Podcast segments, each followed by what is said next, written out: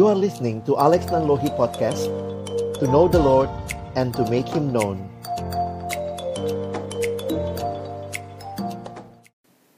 Mari kita berdoa sebelum kita membaca, merenungkan firman Tuhan dan juga mendapatkan wawasan malam hari ini. Bapak Surgawi kami bersyukur kesempatan ini Tuhan berikan. Mohon kiranya rohmu yang kudus boleh memimpin pertemuan kami malam hari ini melalui setiap kebenaran firman yang diteguhkan kembali, setiap wawasan yang diberikan dan juga sharing di antara kami juga untuk boleh semakin mengefektifkan apa yang menjadi rencana Tuhan bagi pemuridan di kota kami masing-masing. Kami serahkan dalam tangan Tuhan, Tuhan yang memimpin, Tuhan yang menolong. Waktu ke depan kami persembahkan dalam tangan pengasihanmu dalam nama Yesus kami berdoa. Amin. Ya, shalom teman-teman, selamat malam. Bersyukur buat kesempatan ini kembali dalam kesempatan yang kedua kita akan belajar lagi saya coba bagikan beberapa hal yang saya uh, lakukan juga atau alami. Nanti ya saya berharap juga kita bisa tetap punya waktu nanti tanya jawab ya di bagian akhir untuk lebih mendaratkan. Nah, teman teman-teman, saya pikir kita perlu untuk kembali ingat bahwa profil itu seperti apa ya. Saya pikir uh, filosofinya coba lihat di pertemuan yang pertama kemarin yang saya ingin tegaskan bahwa profil itu berkaitan dengan orangnya. Jadi kalau bahan itu berkaitan dengan apa ya uh, materi baku sehingga kadang-kadang orangnya itu kita tidak perhatikan yang penting dia bahannya sampai di mana sementara waktu kita berubah Sebenarnya ini pendekatan kalau lihat filosofi di baliknya ini filosofi postmodern ya. Postmodern itu memperhatikan setiap individu lebih khusus.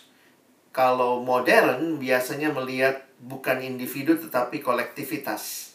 Jadi misalnya uh, ya dia ada di tahun segini sehingga ya kalau dia di tahun segitu ya udah dia mesti dapat materi ini.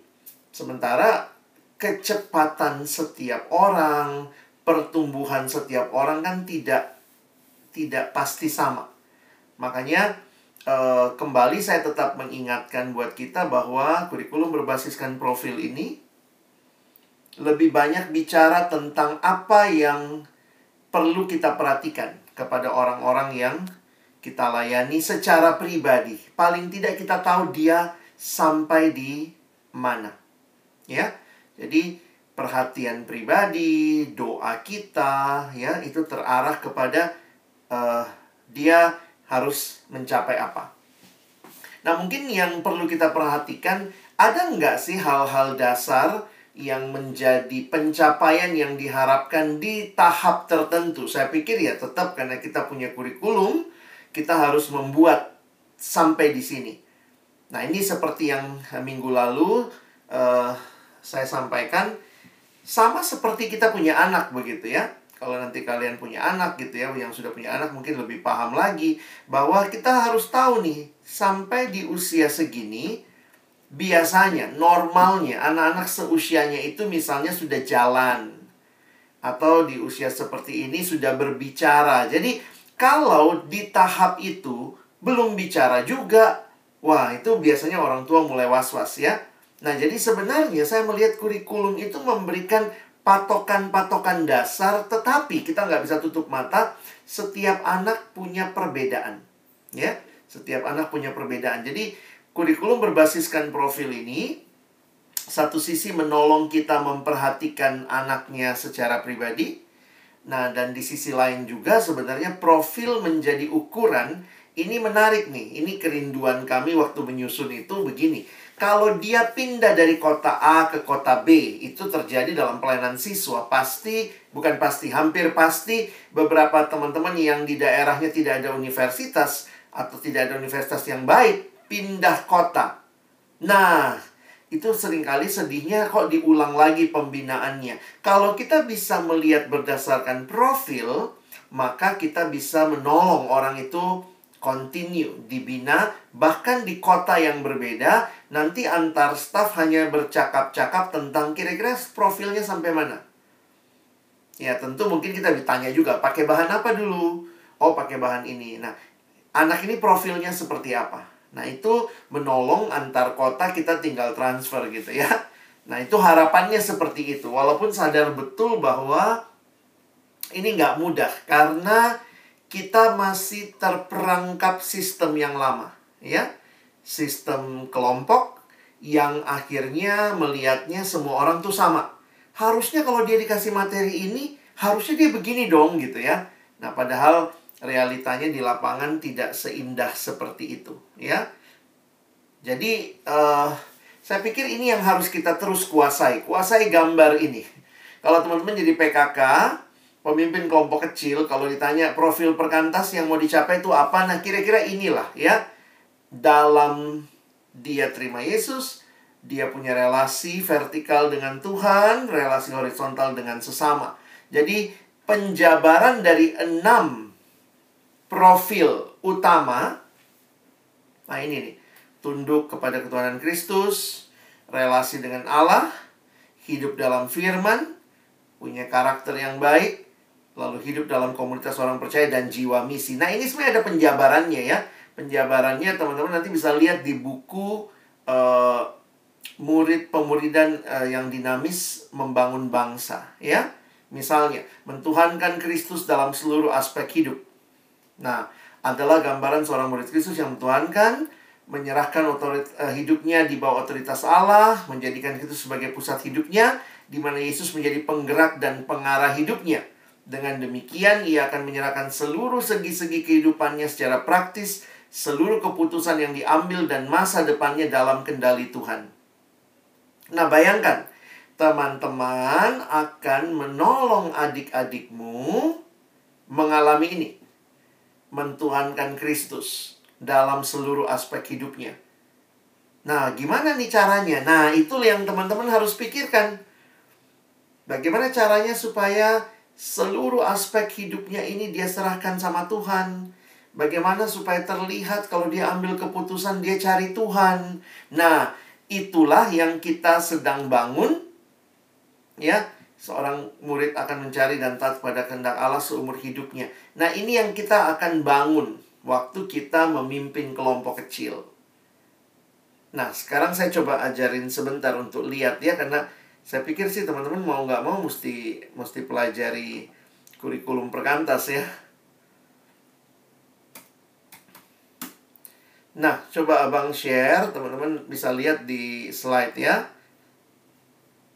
Hmm. Nah, coba perhatikan sebentar. Ini buku pemuridan yang dinamis membangun bangsa. Maaf, tulisannya kecil-kecil. Namanya juga ini buku pedoman, lalu kemudian ini bagan pemuridan kita. Nah, jadi tadi itu kan kayak penjelasan definisinya. Nah, lihat ya, profilnya paling kiri. Saya gede ini. Profilnya ini. Eh, sorry. Aduh. Halaman 80. Jadi, kalau kalian perhatikan, profilnya yang mau dicapai mentuhankan Kristus. Kan ada enam profil tadi kan? Mentuhankan Kristus dalam seluruh aspek hidup. Nah, karena kita bicara nanti ada evaluasi, ada apa? Apa sih mentuhankan Kristus dalam seluruh aspek hidup? Apa indikator hal itu telah tercapai? Nah, ini yang dibuat nih. Makanya nanti perhatikan kurikulum. Saya pikir sih ya nggak usah perhatiin sampai gimana banget. Tapi ada di benakmu ada di otakmu bahwa kamu memimpin orang tuh mau jadi seperti ini. Kira-kira begitu ya. Apa indikator pencapaiannya? Dia memahami, dia tunduk pada ketuhanan Kristus, dia cari kehendak Allah dalam setiap pengambilan keputusan, dia mengelola hidupnya dengan bertanggung jawab di hadapan Allah, dia hidup kudus di hadapan Allah. Nah, bagaimana mencapai ini? Ini kan indikatornya. Nanti evaluasinya begini nih. Ya, maka perhatikan. Apa materi yang harus diberikan? Nah, itu kan pertanyaannya. Untuk mencapai kayak tadi, nah ini karena masalah kurikulum ya. Kurikulum mensyaratkan perlu dapat materi apa? Oh, materi kristologi, materi ketuhanan Kristus, penata layanan, waktu, bakat, harta gitu ya. Terus misalnya karena tadi kita bicara hidup kudus, ada godaan dan pencobaan. Apa nih secara khusus? Hedonisme, dosa seksual, ketidakjujuran dalam studi, plagiat, uh, copy paste gitu ya. Terus kita juga tadi bilang bagaimana menemukan panggilan hidupnya. Dia dipimpin taat pada Tuhan. Perlu paham bagaimana menemukan panggilan hidupnya. Berarti kenal diri, kenal karunia, lalu bagaimana menemukan kehendak Allah. Termasuk juga bagaimana dia tunduk kepada Kristus dalam cintanya, dalam seksnya, dalam pernikahan.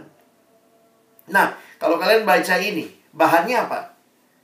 MHB kan? Jadi sebenarnya memang itu bahan dasar kita MHB, tetapi kita sadar juga MHB tidak mencakup semua hal. Ya, makanya teman-teman perhatikan tadi ada indikator pencapaian ini yang disebut dengan yang kita baru lihat kolomnya ini adalah materi, materi secara umum. Nah, perhatikan selanjutnya metode. Nah, kita menyadari pemuri dan diperkantas bukan hanya kelompok kecil, tetapi kelompok besar KB, ya bukan KB keluarga berencana ya, kelompok besar itu juga sarana pemuridan. Makanya coba lihat, kalau kita bikin kurikulum, kita bisa sesuaikan dengan kelompok kecilnya nih. Nanti kemudian apa materi di persekutuan Jumatnya?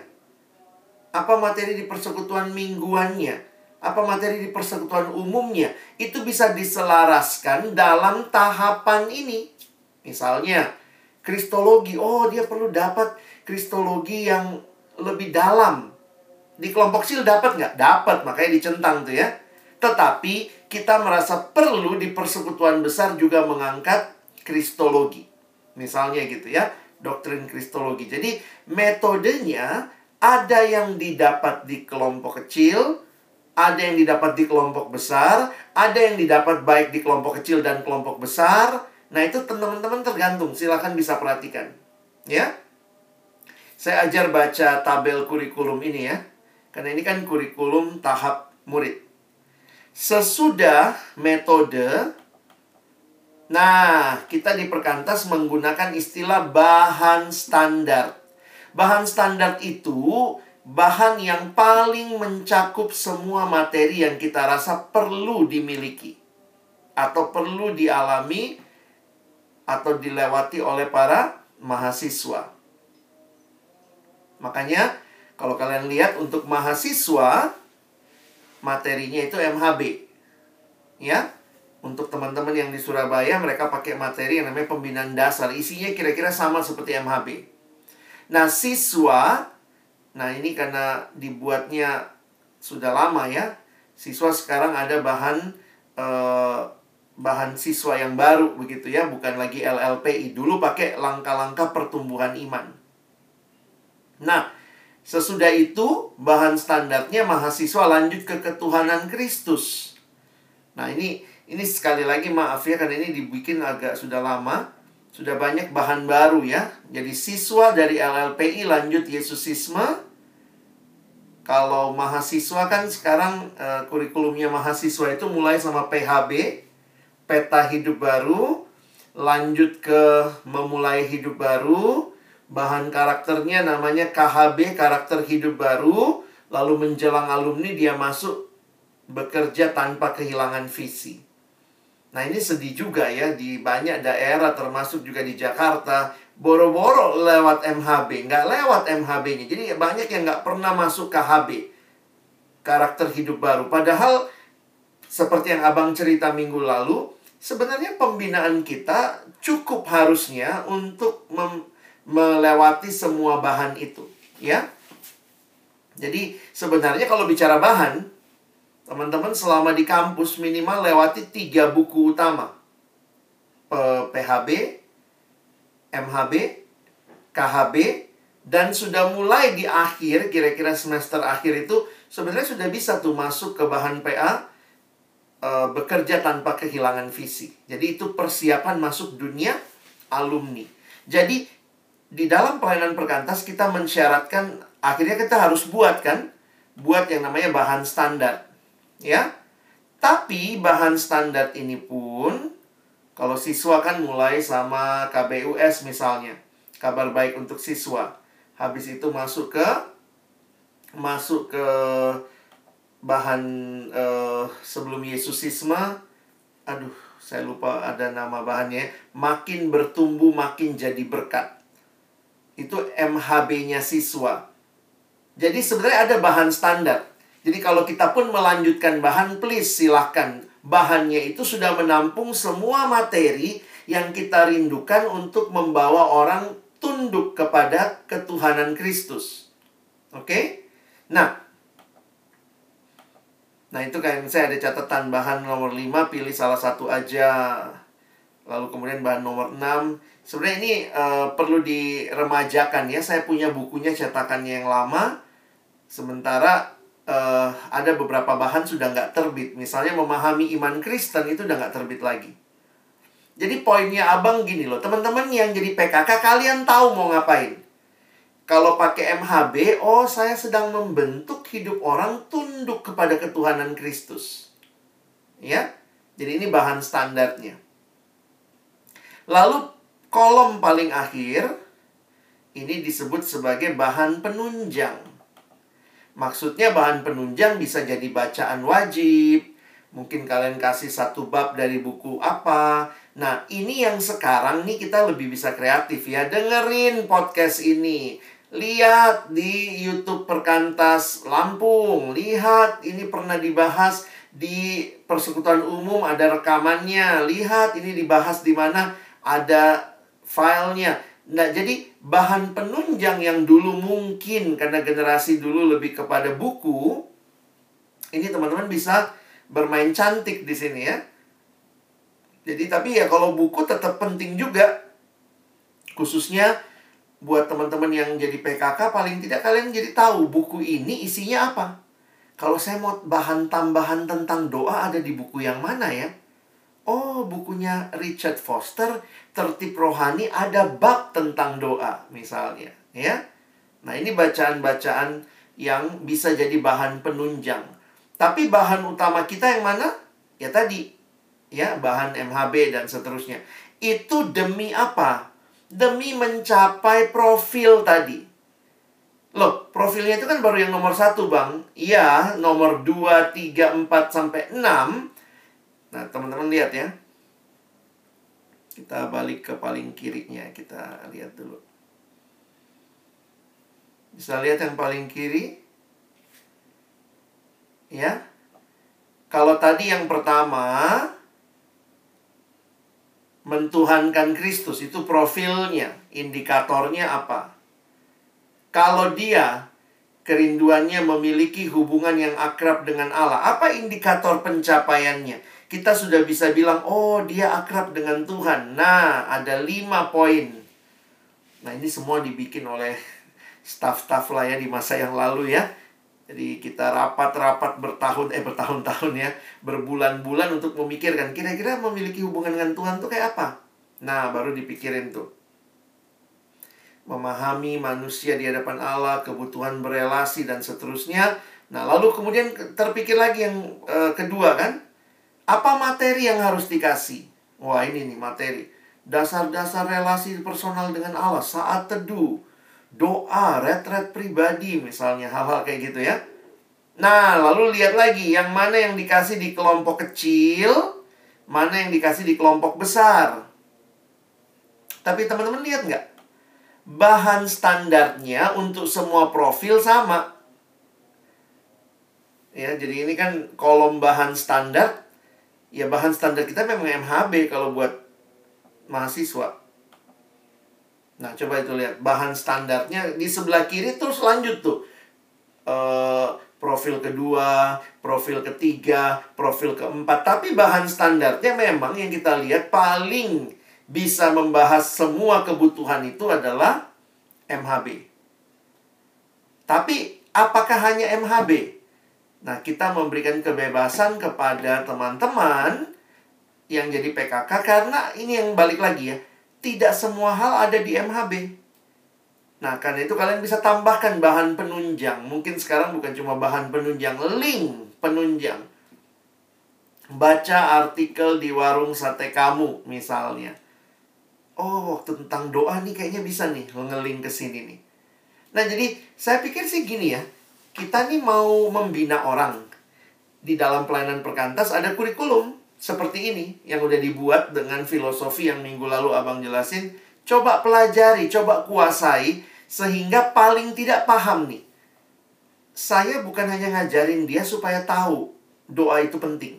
Tapi indikator pencapaiannya dia cari Tuhan berdoa dalam setiap pergumulan hidupnya. Nah, yang tidak ditulis di sini bagaimana teman-teman membentuk orang mencapai profil ini. Kurikulum hanya menuliskan materinya. Tapi ingat yang minggu lalu Abang bahas, yang namanya murid bukan cuma tahu, tapi harus sampai melakukan. Nah, di sinilah tugas beratnya teman-teman untuk dalam setiap pertemuan. Mungkin mirip kayak guru kali ya. Kayak guru di sekolah punya lesson plan. Harapannya apa sih? Aktivitasnya apa? Supaya tercapai indikator-indikator tadi. Memang saya sih nggak kalau mimpin kelompok juga nggak gitu-gitu banget ya. Kayaknya kaku banget segala macam. Enggak lah ya poinnya abang sebenarnya begini. Hayati bahwa hal-hal itu tuh tidak tercapai hanya dengan kalian kasih bahan. Saya ulangi. Kalian mau membentuk anak-anak kelompokmu sesuai profil, tunduk pada ketuhanan Kristus, mencari Tuhan dalam semua aspek hidup. Itu nggak cukup dengan ayo bahas MHB saja. Teman-teman mesti pikirin misalnya, kita sama-sama bikin jam doa kelompok kecil. Apa gunanya? Supaya mereka ditolong tuh. Oh, doa itu bagian yang penting. Yuk kita ajak mereka berdoa. Senin doakan studinya. Selasa doain pergumulan keluarga masing-masing misalnya. Rabu. Jadi saya melihat begini, yang tidak diberikan di kurikulum ini adalah apa yang lain yang perlu teman-teman lakukan supaya orang itu bukan hanya tahu firman, tahu tetapi dia juga melakukan. Nah, itu tuh nggak ada dalam teorinya ya. Istilahnya silakan teman-teman ya. Yang penting tercapai dalam segala hal dia cari Tuhan. Dia berdoa. Nah, itu gimana? Gimana caranya? Nah, itu teman-teman mesti perhatikan. Itulah tugasnya PKK. PKK tuh bukan cuma uh, apa ya? Orang yang mimpin pakai bahan tiap minggu tapi nggak tahu mau mencapai apa. Ya, saya coba lanjutkan dulu. Saya nggak bahas ini. Saya harap teman-teman udah paham dari yang tadi abang bahas ya. Nanti buk e, cari di perpustakaan harusnya ada ya buku pemuridan dinamis membangun bangsa. Sampai kepada jiwa misi. Nah, bayangkan kalian mau mencapai itu. Makanya dikatakan pemuridan sebuah proses transformasi menjadi serupa Kristus. Kenapa kita bilang serupa Kristus? Karena kita menyimpulkan serupa Kristus itu seperti ilustrasi roda tadi. Dan ini bukan sekadar pemberian informasi kebenaran Alkitab. Ini bukan cuman memuridkan itu life to life. Bukan sekedar mind to mind. Dia makin ngerti, dia makin tahu dia makin tahu tidak, dia harus sampai melakukan. Makanya sebenarnya memang kalau kita perhatikan itu yang kita rasa sangat-sangat kehilangan interaksi hidupnya dalam masa-masa seperti ini ya. Ini yang minggu lalu Abang bahas ya. Kalian bisa tahu ajaran saya.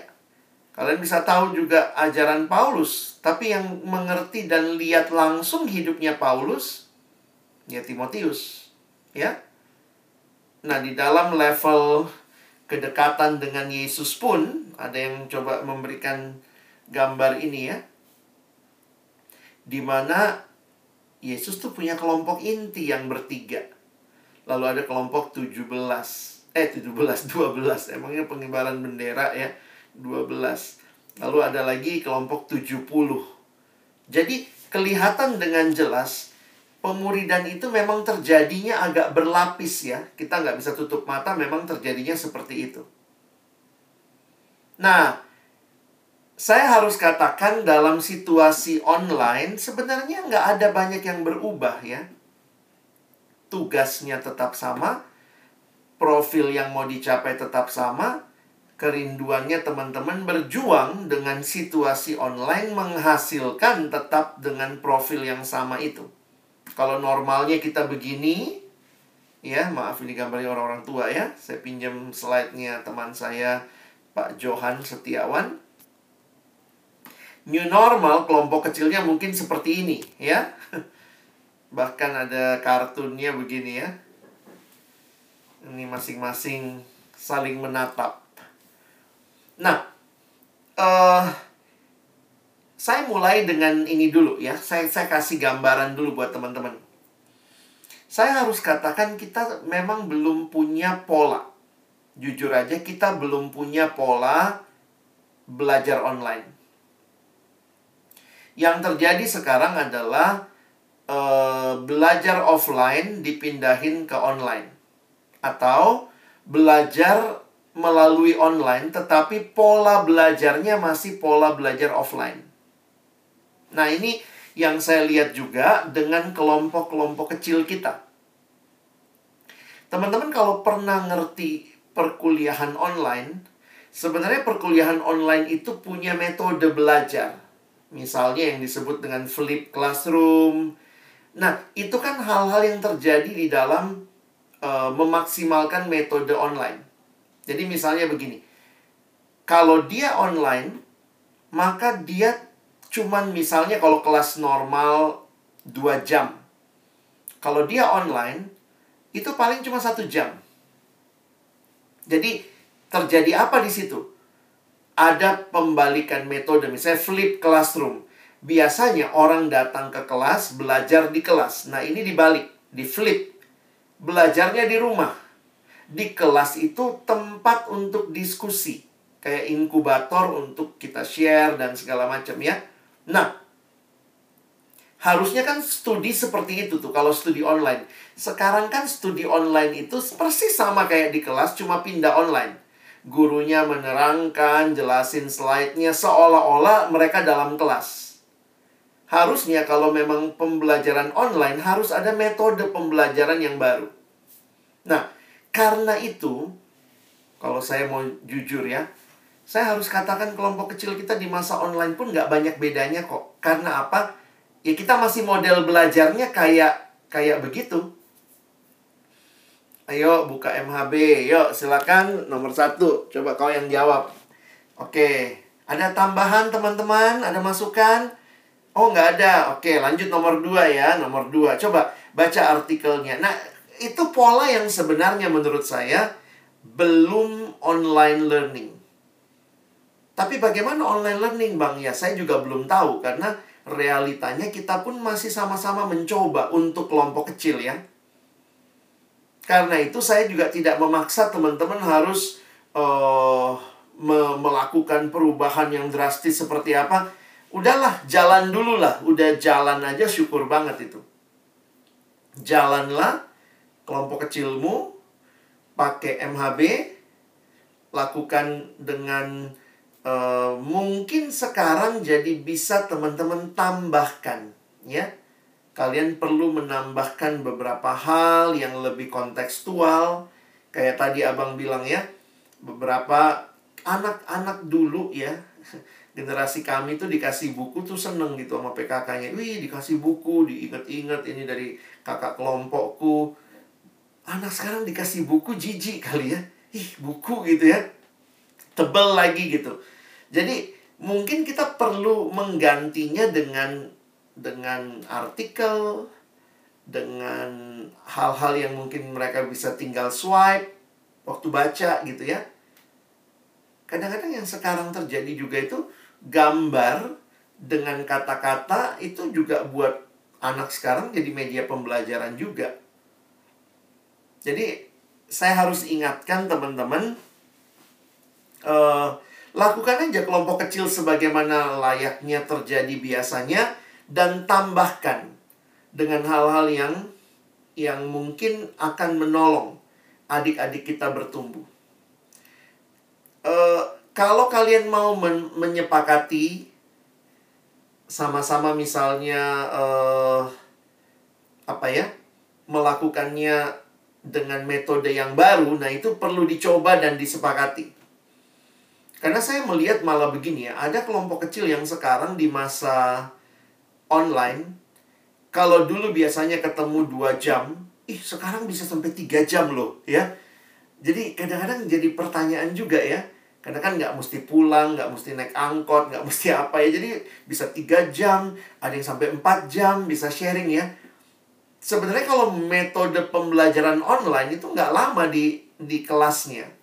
Jadi makanya saya pikir kita tuh belum siap juga ya. Belum terbiasa lah belajar online. Nanti kalau kalian misalnya lihat pembelajaran online itu itu ada misalnya gini ya. Sudah dikasih materinya, lalu kemudian ada ini masuk kelasnya paling uh, dosen ngomong 10 menit mereview pelajaran masuk breakout room. Breakout room diskusi, selesai diskusi 10 menit kembali ke ruang utama. Ke ruang utama share satu dua hal, dosen share lagi, masuk lagi breakout room. Jadi sebenarnya itu itu yang namanya pembelajaran online.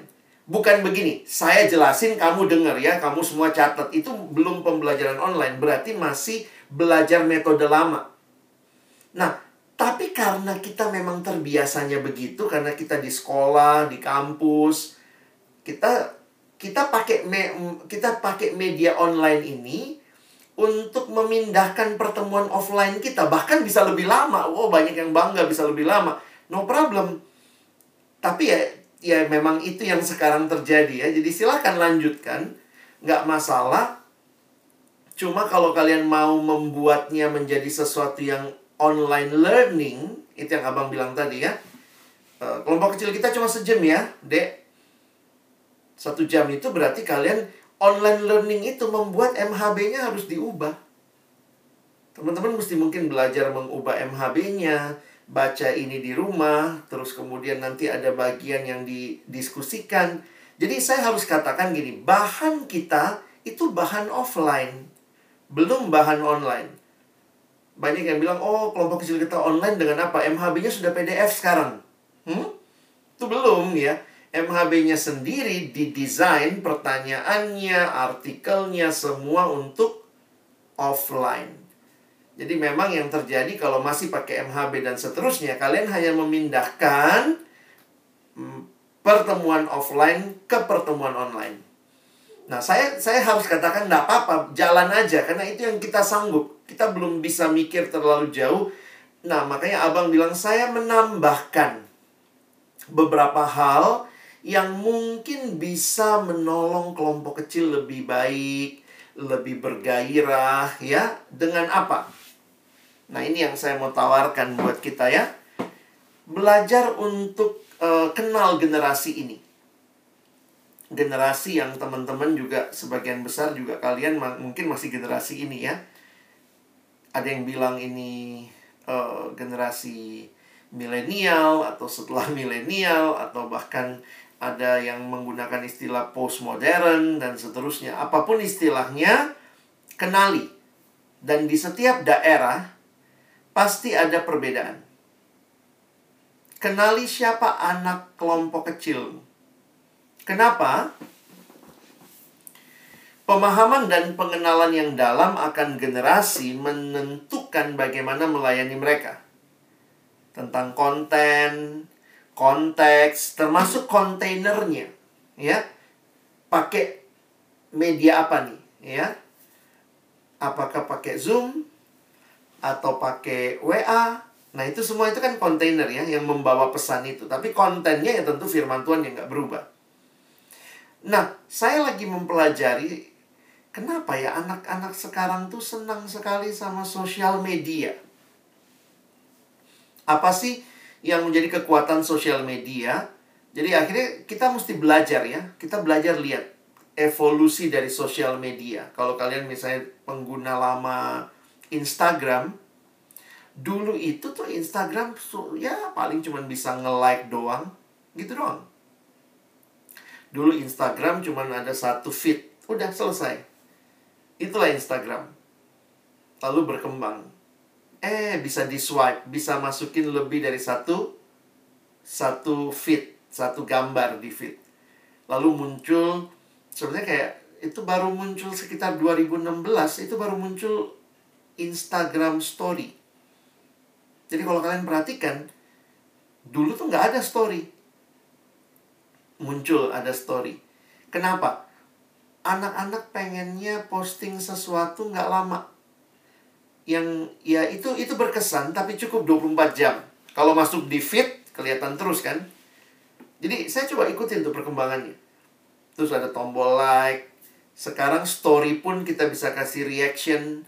Lalu kemudian orang mau terlibat mulailah muncul uh, tag jadi orang kalau ketemu uh, foto-foto jangan lupa tag gue ya nah, gitu jadi orang kayak terbiasa nge-tag ada hashtag uh, saya melihat itu bukan cuma sekadar sebagai perkembangannya IG gitu ya mulai muncul lebih banyak stiker dulu cuma ada emoticon sekarang ada stiker dan seterusnya jadi bertanya, ini generasi apa? Teman-teman sedang melayani generasi yang seperti apa? Nah, di balik keyakinan para pengembang media sosial, mereka tuh belajar sungguh-sungguh tentang generasi ini. Nah, salah satu teori yang cukup besar yang saya pikir juga mewarnai adalah teori ini ya. Bahwa ini generasi yang namanya epic generation. Jadi, Epic Generation ini adalah singkatan dari experiential. Mereka senang terlibat. Mereka senang mengalami. Bukan cuma mau tahu, tapi maunya ngalamin. Lalu mereka adalah orang-orang yang mau berpartisipasi. Mereka didorong oleh image, image driven. Dan mereka mau terhubung satu sama lain. Nah, saya nggak tahu. Mungkin kamu bilang, tapi anak-anak di tempatku bang pasif-pasif. Boro-boro mau terlibat. Tapi kenapa mereka terlibat di IG ya? Nah, ini ini jadi pertanyaan kan buat kita. Kenapa mereka terlibat di Twitter misalnya? Jadi ada orang yang di dunia nyata mungkin terbatas komunikasinya, tapi di dunia maya kayak wow ya, dia bisa muncul begitu rupa. Nah, ini buku yang membahas uh, sebenarnya ini teori dari uh, bukan Kristen ya ini si Bapak Fadul ini tapi kemudian beberapa buku Kristen menggunakan teori dia. Ya ini salah satunya Leonard Sweet di kalangan Kristen menulis buku Postmodern Pilgrims The Gospel According to Starbucks ya. Nah dia coba mendefinisikan lebih jauh lagi dan dia mengatakan begini mari pelayanan pelayanan pikirin juga nih. Kalau dunia menjangkau anak muda, khususnya ya dengan epic culture, kita gimana?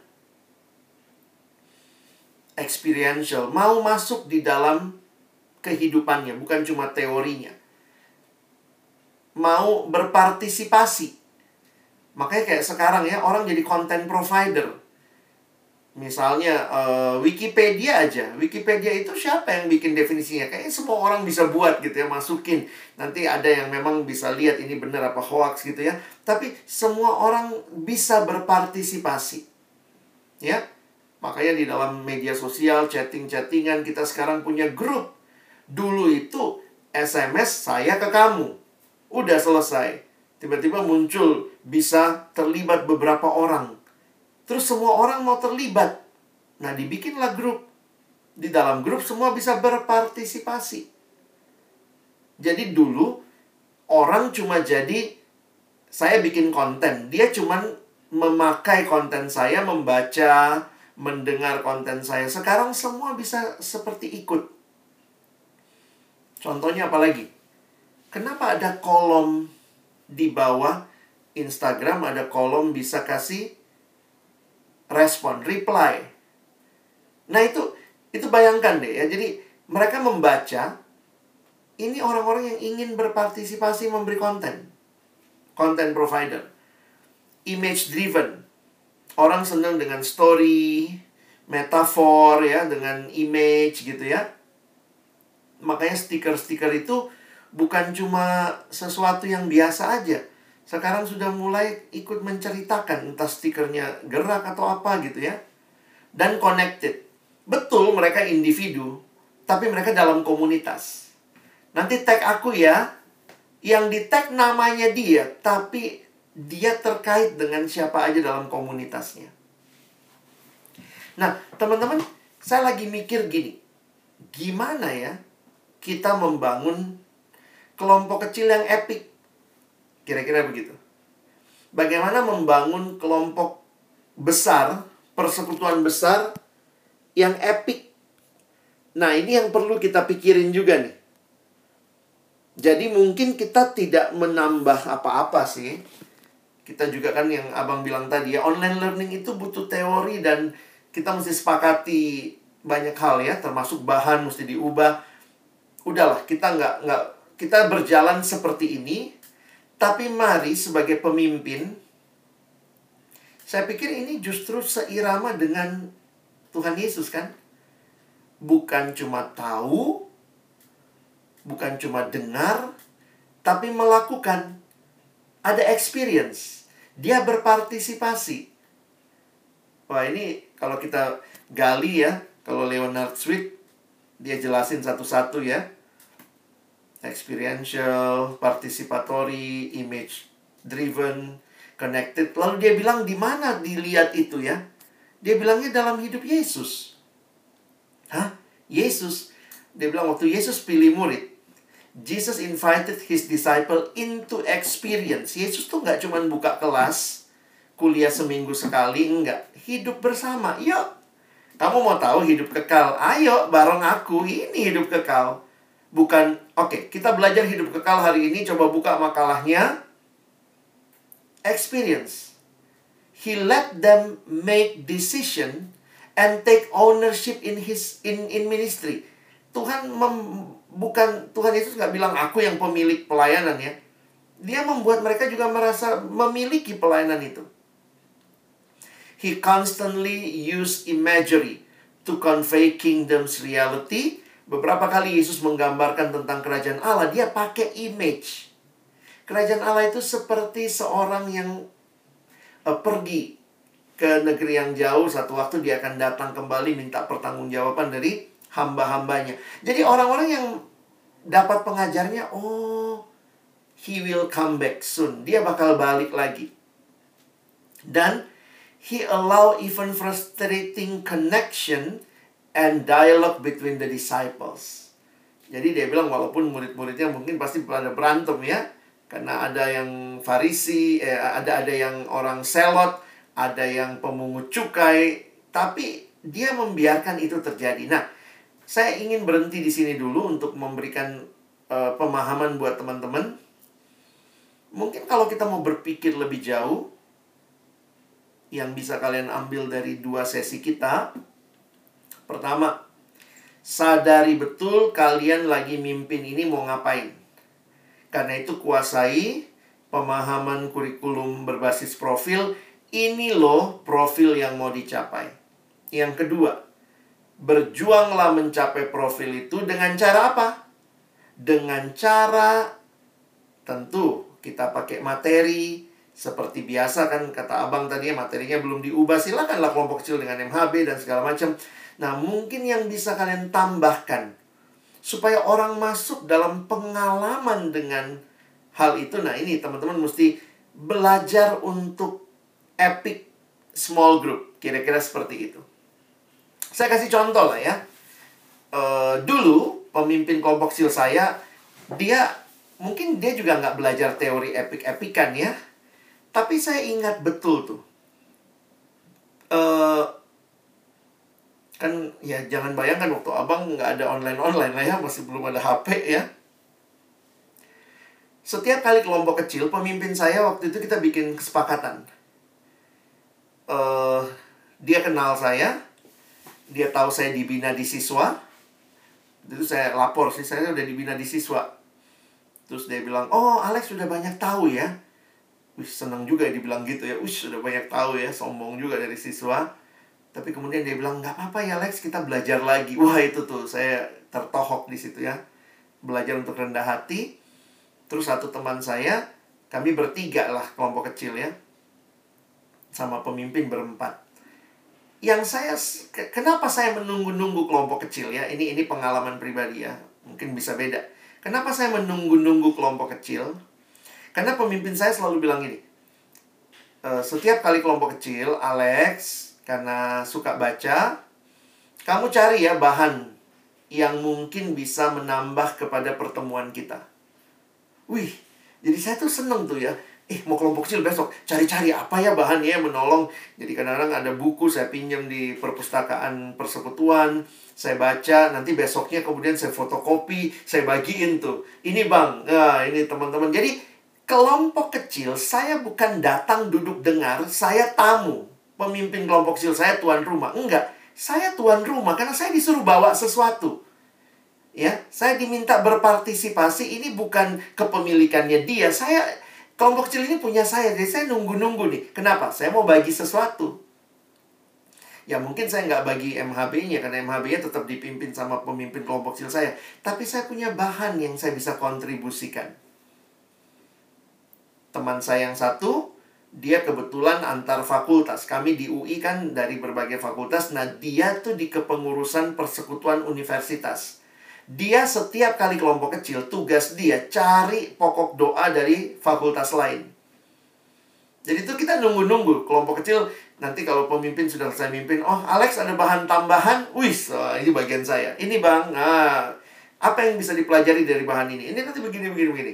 Terus nanti kalau kita baik sebelum kita tutup doa, ada teman saya, kamu dapat apa nih? Fakultas mana yang mau kita doain? Jadi kami itu merasa ini kelompok kecil kita. Karena semua berpartisipasi. Yang satu lagi teman saya rajin ke persekutuan kota. Jadi dia mencari pokok doa dari kampus lain. Jadi tiga orang ini kami kalau datang kelompok kecil bukan cuman datang kami bejana kosong isilah bang isilah ya. Tapi kami dikasih kesempatan untuk kontribusi. Jadi kami nunggu-nunggu tuh kelompok kecil ya. Saya nunggu bagi bahan, teman saya nunggu bagi apa yang dia cari dari fakultas lain. Yang satu nunggu apa yang dia dapatkan dari kampus lain. Ya mungkin bisa jadi beda cara berkontribusi sekarang itu seperti apa ya. Tapi ini yang abang mau bilang, nilai-nilai ini sebenarnya bukan baru sekarang. Dari zaman Tuhan Yesus, lihat tadi Leonard Sweet ngomongnya. Yesus mengundang mereka masuk dalam pengalaman. Nah, ini gimana nih caranya? Nah, salah satu caranya yang saya juga kepikir adalah coba ganti pertanyaan-pertanyaan kita. Karena pertanyaan-pertanyaan kita di bahan-bahan PA kita secara tidak sadar itu banyak pertanyaan main. Jelaskan siapa yang berjalan di atas air? Yesus. Mengapa dia berjalan di atas air? Oh, Yesus punya kuasa atas alam. Udah. Kita mesti belajar membuat pertanyaan yang menggali experience. Nah itu uh, si Bang Ray ya, Bang uh, Bang Ray lagi buat pertemuan untuk hal itu uh, setelah kami diskusi ya, saya bilang kita mesti tolong generasi ini untuk masuk dalam pertanyaan-pertanyaan yang lebih masuk ke experience, bukan cuma ke knowledge. Dan ini yang membuat juga teman-teman uh, mesti berpikir nih ya, karena kan kita lagi mau bentuk orang melakukan firman. Gimana caranya dalam generasi ini yang lagi online, apa yang perlu kita lakukan? Mungkin kita bisa minta dia di rumahnya, cobalah hari ini belajar memperhatikan kebutuhan mamamu seharian ini. Nanti malam coba sharingkan apa yang bisa didoakan untuk kebutuhan mamamu. Dalam rangka apa nih? Kita lagi belajar persekutuan, memperhatikan sesama. Tapi kan nggak bisa kumpul iyalah kalau nggak bisa kumpul ya perhatikan siapa yang dekat sama kamu gitu ya Perhatikan kebutuhan abangmu di rumah hari ini. Nah, teman-teman mesti kreatif lah berpikir. Tapi kira-kira Epic ini bisa menolong kita memaksimalkan kelompok kecil kita. Media sosial bagaimana, Bang? Saya melihat media sosial itu bisa jadi pendukung. Ya, misalnya kalian lihat, ih postingan Bang Benny kemarin bagus nih. Ada bagian yang bagus, maka mungkin waktu kelompok kecil, tolong teman-teman ya, tugas kita adalah nanti lihat IG-nya Bang Benny. Coba dari apa yang diposting kalian dapat apa. Karena itu berkaitan sama bahan kita hari ini. Jadi uh, saya nggak ngeliat yang namanya sosial media dipakai dalam pemuridan bahwa kita kelompok kecil pakai YouTube, pakai pakai apa IG gitu ya. Enggak. Mungkin kita kelompok kecil tetap pakai Zoom atau pakai Google Meet, tapi bahan-bahan yang ada di berbagai sosial media yang biasa mereka buka. Kita kasih sedikit penekanan untuk dia tidak hanya lihat Oh, tadi ngelihat Bang Benny posting. Oh, Kak Nurani juga baru posting. Swipe-swipe aja. Tapi mungkin kita ajak mereka untuk take a deep look. Coba lihat ada sesuatu yang bisa kita pelajari nggak misalnya ya jadi silakan teman-teman kalau lagi dengar podcast lagi lihat YouTube lagi baca artikel yang online gitu ya masukkan dalam perbendaharaan bahan penunjang kelompok kecil sehingga nanti kalau anak kelompok kecilmu pengen tahu ini nah kita bisa rekomend ke situ oke saya pikir itu dulu yang saya bisa bagikan jadi berharap teman-teman benar-benar bisa memahami dan kita bisa masuk dalam diskusi ya. Thank you.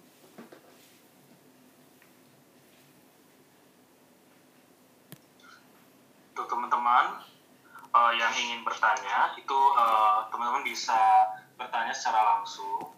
Lalu teman-teman juga bisa uh, melalui uh, chat dari Zoom meeting ini atau kalau teman-teman memang uh, malu uh, biar anonim teman-teman bisa uh, kirimkan pertanyaan di melalui Slido yang sudah dikirim oleh uh, host. Adakah yang mau uh, bertanya secara langsung? Boleh uh, angkat tangan, tunjuk tangan. Boleh raise hand. Adakah dari teman-teman? dan merasa pertanyaannya terlalu bagaimana gitu ya kayaknya kemarin yang bertanya aku perhatikan yang tua-tua gitu ya. Yang muda-muda juga boleh bertanya jangan merasa pertanyaannya receh banget gitu ya kayaknya kau bingung doang gue tanyain gitu.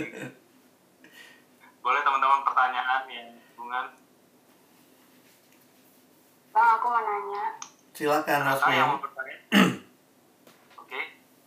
Uh, tadi kan Abang bilang memutuskan itu like to like, yaitu melakukan apa yang disampaikan selama kelompok kecil. Hmm. Nah, Abang, misalnya kalau kita sudah kelompok kecil, ada satu atau dua tahun, namun kakak masih sulit menerapkan dalam hidup mereka. Hmm. Nah, kelompok kecil pun berdoa belum rutin, saat teduh dan sebagainya. Nah, menurut Abang, apa yang harus diambil oleh PK, tindakan apa yang harus diambil oleh PKK? Hmm. Iya, thank you, Dek. Ya, memang dalam pelayanan mahasiswa khususnya kita punya keterbatasan waktu. Jadi kadang-kadang juga kan kita mau lah ya orang dalam waktu itu berubah dong. Kita udah mau lulus, udah mau tamat nih, bakal nggak ketemu.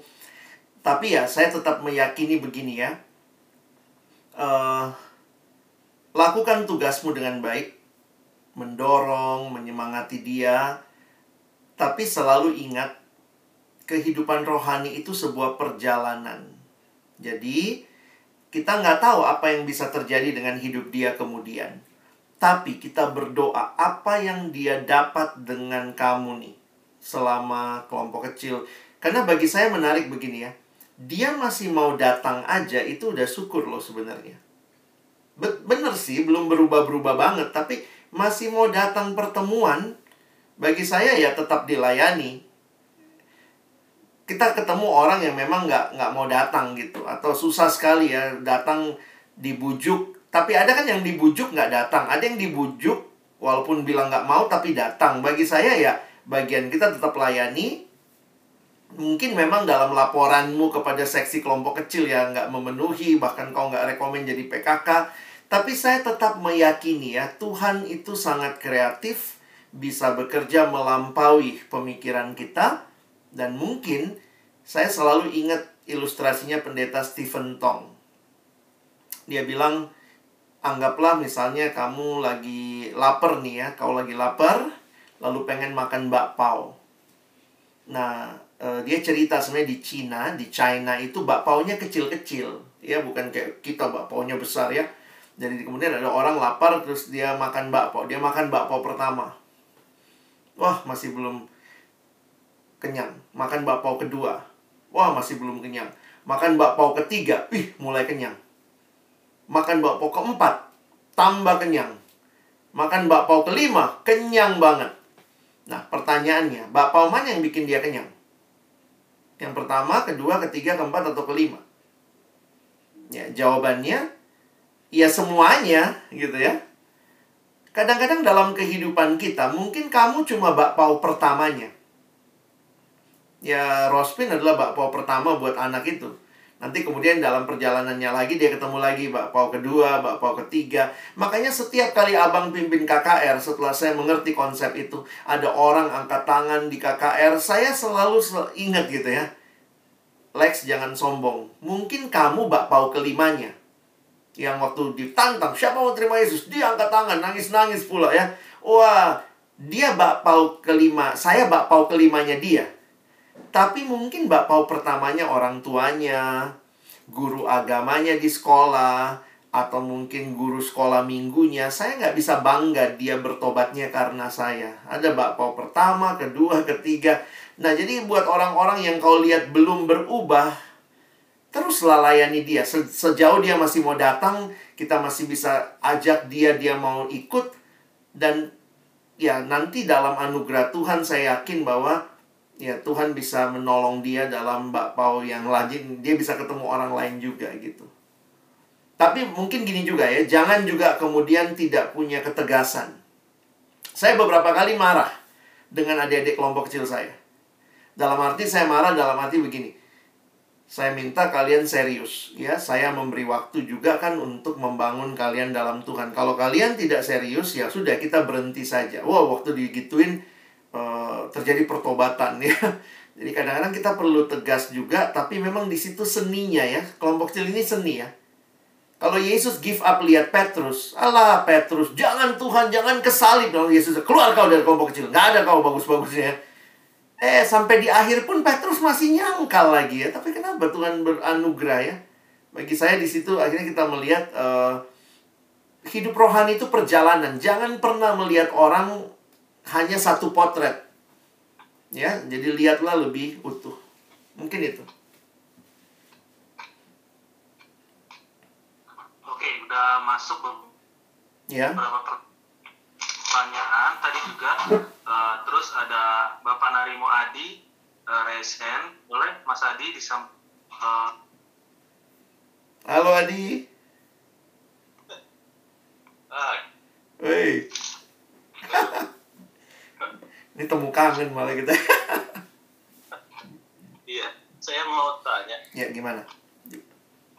Uh, saya kan nama teman-teman hmm. penyuluh agama di Lampung ini uh, mimpin di kampus ITERA.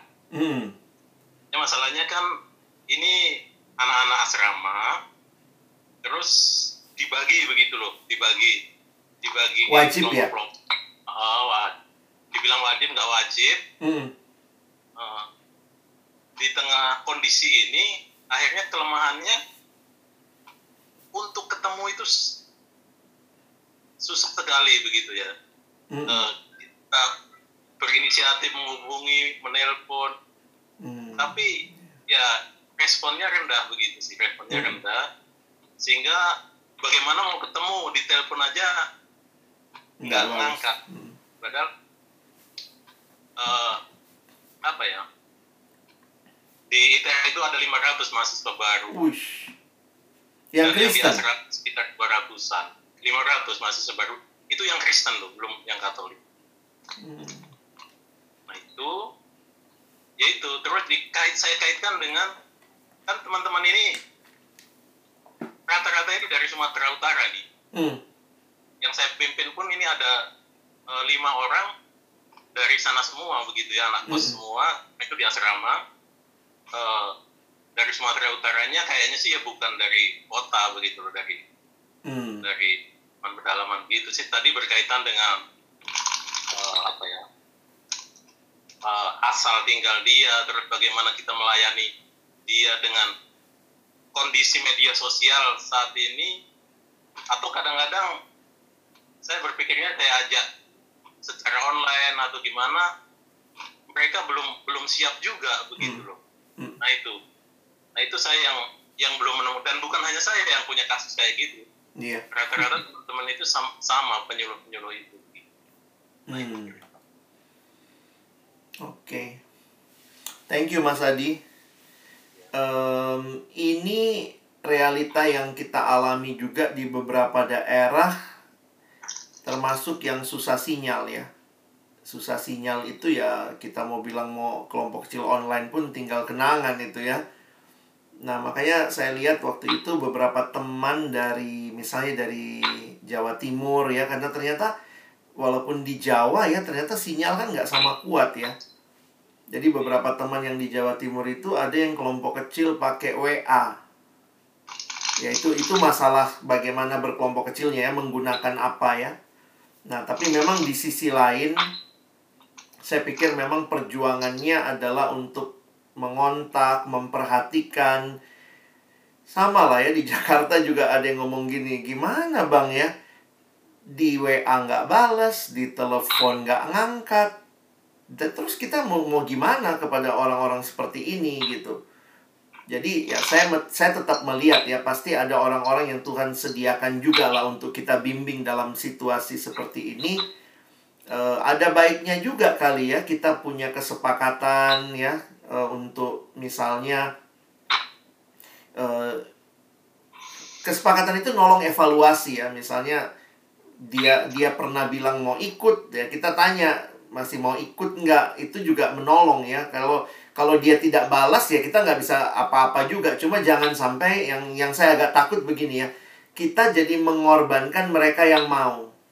Jadi yang mau ini pun tetap harus kita perhatiin ya. Nah mungkin dalam konteks tertentu ya, saya nggak tahu ini karena lagi pandemi. Dalam konteks tertentu, kalau nggak pandemi, saya pikir perhatian pribadi itu penting. Jadi eh, ya saya sadar ya kita yang kayak kita yang makin senior ya makin makin berumur atau mungkin teman-teman yang memimpin di kampus yang berbeda itu memang perhatian agak sulit karena kita nggak hadir di situ. Nah ini yang perlu kayaknya uh, ya saya lagi lagi berpikir juga sih gimana caranya kita membangun kepedulian di luar kerohanian dia. Jadi benar-benar kita peduli sama hidupnya secara utuh uh, kalau kita kan suka gini ya, ini ini nggak tahu gimana teman-teman berpikirnya. Dalam pelayanan kita di perkantas, dia masuk kelompok kecil dulu, baru kita perhatiin. Nah mungkin dalam situasi seperti ini nih, kita belajar memperhatikan walaupun dia bukan anak kelompok kecil dan targetnya nanti tanda kutip kita berdoa, kita ngajak supaya dia di kelompok kecil kan. Kita tuh kayak terbiasanya kalau di perkantas ya mau ikut dulu baru saya perhatiin kamu gitu ya. Ya itu yang mungkin ya ke depan untuk strategi kita perlu pikirin juga supaya lebih apa ya? Karena kasih itu saya pikir menjangkau. Kasih itu akan menjangkau orang. Sementara kan tiba-tiba kita juga nggak terlalu kenal hidup dia, atau kita mimpin, ayo wajib datang setiap ini, komitmen tinggi. Oh, itu juga buat beberapa orang anak baru apaan nih gitu ya dia nggak kenal saya siapa makanya mungkin ya kita telepon nggak diangkat. Jadi dia takut dengan pertemuan itu juga yang saya lagi mikir kenapa ya dia takut ya kan apa saya karena saya juga pernah ngalamin kayak gitu. Tapi akhirnya sadar bahwa memang mungkin kalau saya gap usia ya gap usia nelfon anak SMA saya itu dia manggilnya udah om itu.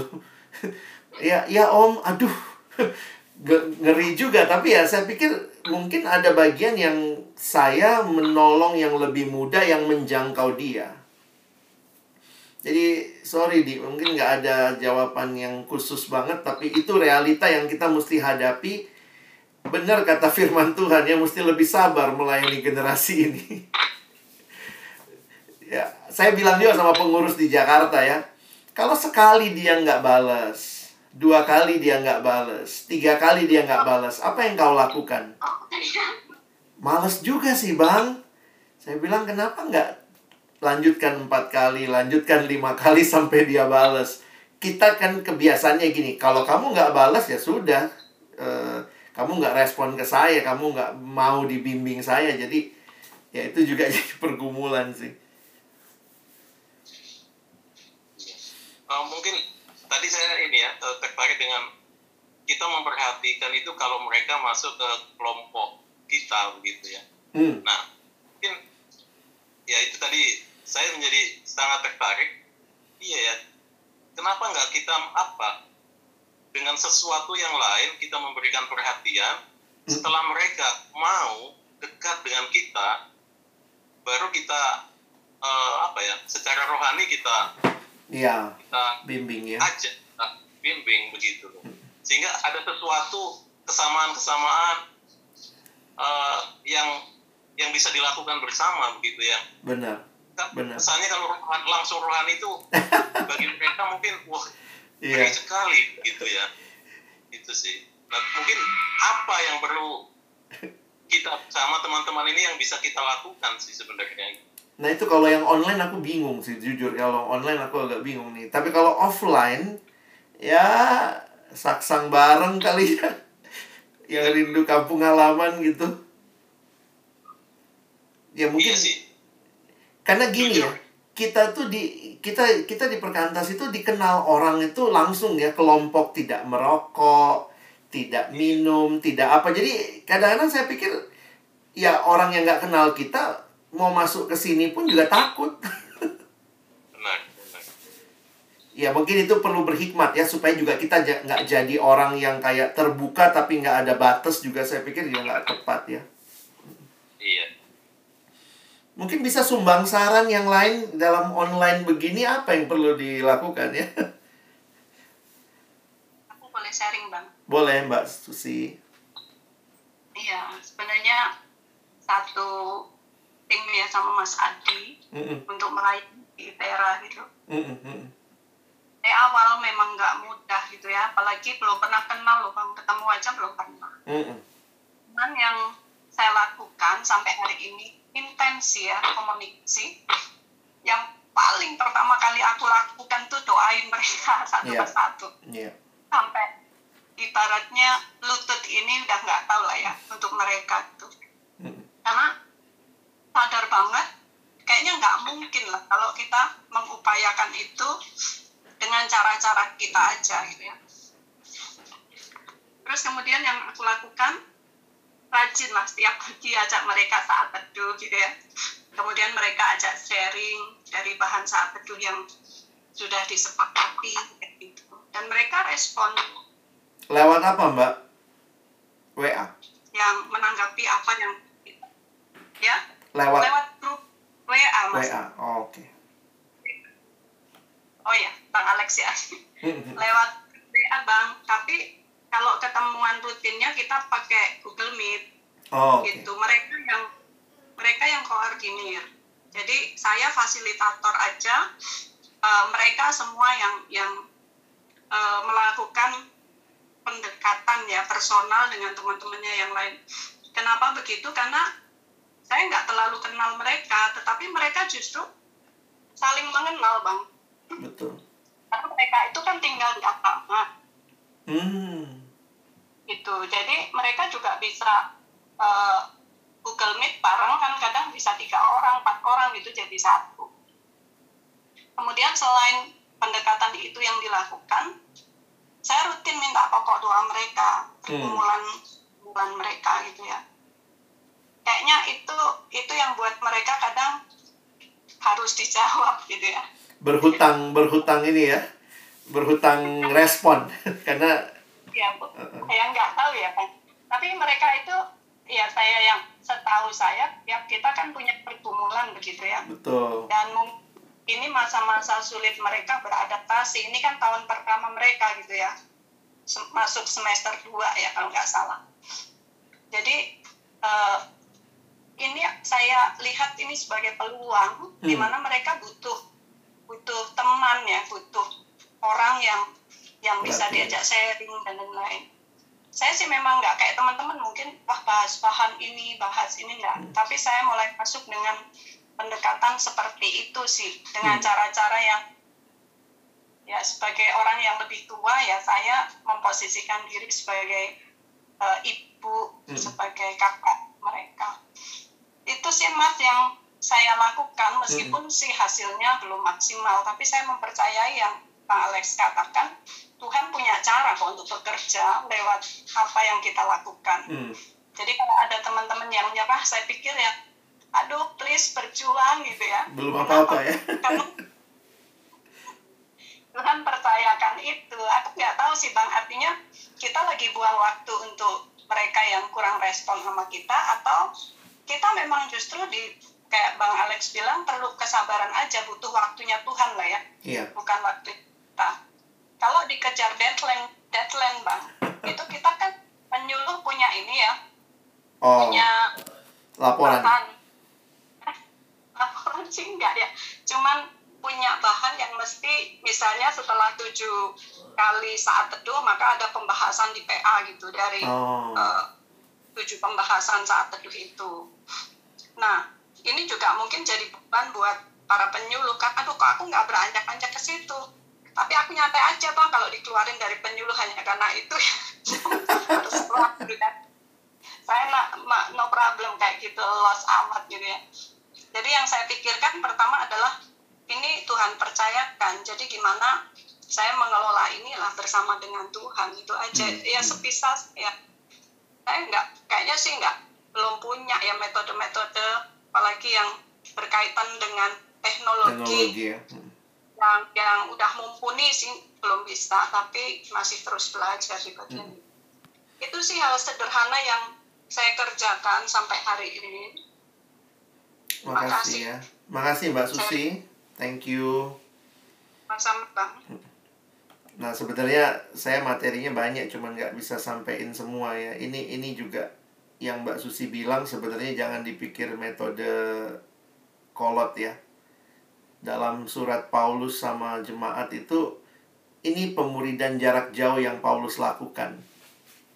Tulis surat, mendoakan, mengasihi, memberikan dorongan, teguran, kirim rekan kerja. Waktu itu kan Paulus kirim misalnya siapa untuk bawa surat ya. Filemon ke ke Filemon dia kirim Onesimus gitu dan dia planning ya merencanakan dan dia komunikasikan untuk jadi bahan doa bersama jadi mungkin ini yang Alkitab berikan ya. Padahal Paulus tuh responnya kan nggak langsung. saya pikir juga ini yang uh, saya sebenarnya tulis di materi saya di atas tadi ya, sorry.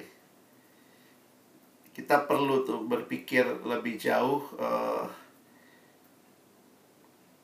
prinsip pertama buat saya di online discipleship itu prinsipnya sebenarnya kita bisa membawa yang pemuridan tiap minggu jadi tiap hari. Dengan apa? Ya dengan doa.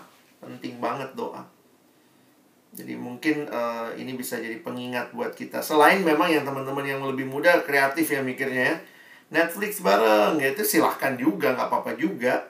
Uh, cuma sebenarnya orang itu berespon ketika teman-teman dan saya memang memberi lutut kita untuk mereka ya saya pikir kasih itu dibangun dengan kita spend waktu nggak untuk menyebut nama mereka di doa-doa kita. Thank you Mbak Susi udah ingetin prinsip penting. Silakan yang lain mungkin Ben. Oke, uh, ini udah ada masuk beberapa pertanyaannya di slide itu. Uh, aku angkat satu pertanyaan nih bang. Iya silakan. Uh, dengan latar belakang CPKK ini belum terlalu sering berkakak, jadi merasa jadi merasa belum siap untuk membagikan firman atau bahan yang disiapkan kepada kakak, ini nggak ada pertanyaan sih sebenarnya, tapi ini kayak statement, statement ya. untuk direspon nih kali Pak. Jangan terlalu malu juga untuk minta bantuan.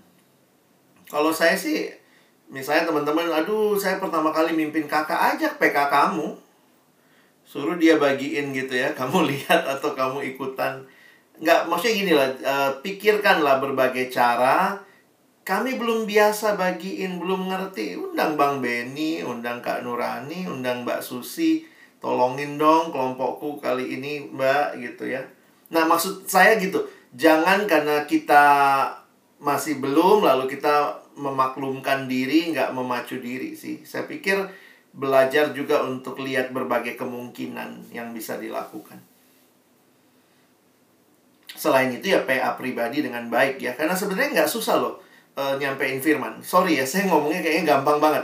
Nggak susah nyampein firman. Karena kan apa yang firman bilang sampein aja. Tuhan bilang jangan berdusta kan nyampein firman. Yang susah itu karena kita mau nambahin pemikiran kita, konsep kita, ngomongnya biar manis, biar bagus, pakai ilustrasi. Nyampein firman, firman bilang apa gitu. Oh, oh jangan berdusta ya udah. Sebenarnya just as simple as that harusnya ya. Jadi jangan terlalu takut tapi juga jangan sok pede lalu kemudian tidak berjuang. Mungkin kalau perlu minta bantuan silakan. Mungkin jadi bisa uh, kita perdalam nggak sih bang? Maksudnya uh, apakah mungkin jangan-jangan memang CPKK ini misalnya berasal dari kelompok kecil yang tidak yang nggak jalan gitu. Kayaknya di kampus-kampus kayak di Unila gitu beberapa hmm. orang dijadiin CPKK padahal PKK-nya oh. kelompok kecil baru sampai berapa gitu loh atau bahkan baru perkenalan aku pernah dengar dengar juga baru perkenalan ya karena timbangan saja uh, biasa mimpin dua tahun di bawahnya dia dijadiin CPKK itu bagaimana bang ya? Saya lihat dalam kondisi seperti ini, kalau online juga ya, sebenarnya kita punya waktu untuk bisa komunikasi dengan PKK. Misalnya gini, eh, persiapan bersama. Atau misalnya teman-teman uh, kontak PK kamu kah? Atau orang yang kamu kenal, abang kakak staff, tolong kak bimbing saya nih, saya udah terlanjur dijadiin PKK. Jadi maksudnya gini, jangan nyerah, tapi coba lakukan apa yang bisa kamu lakukan.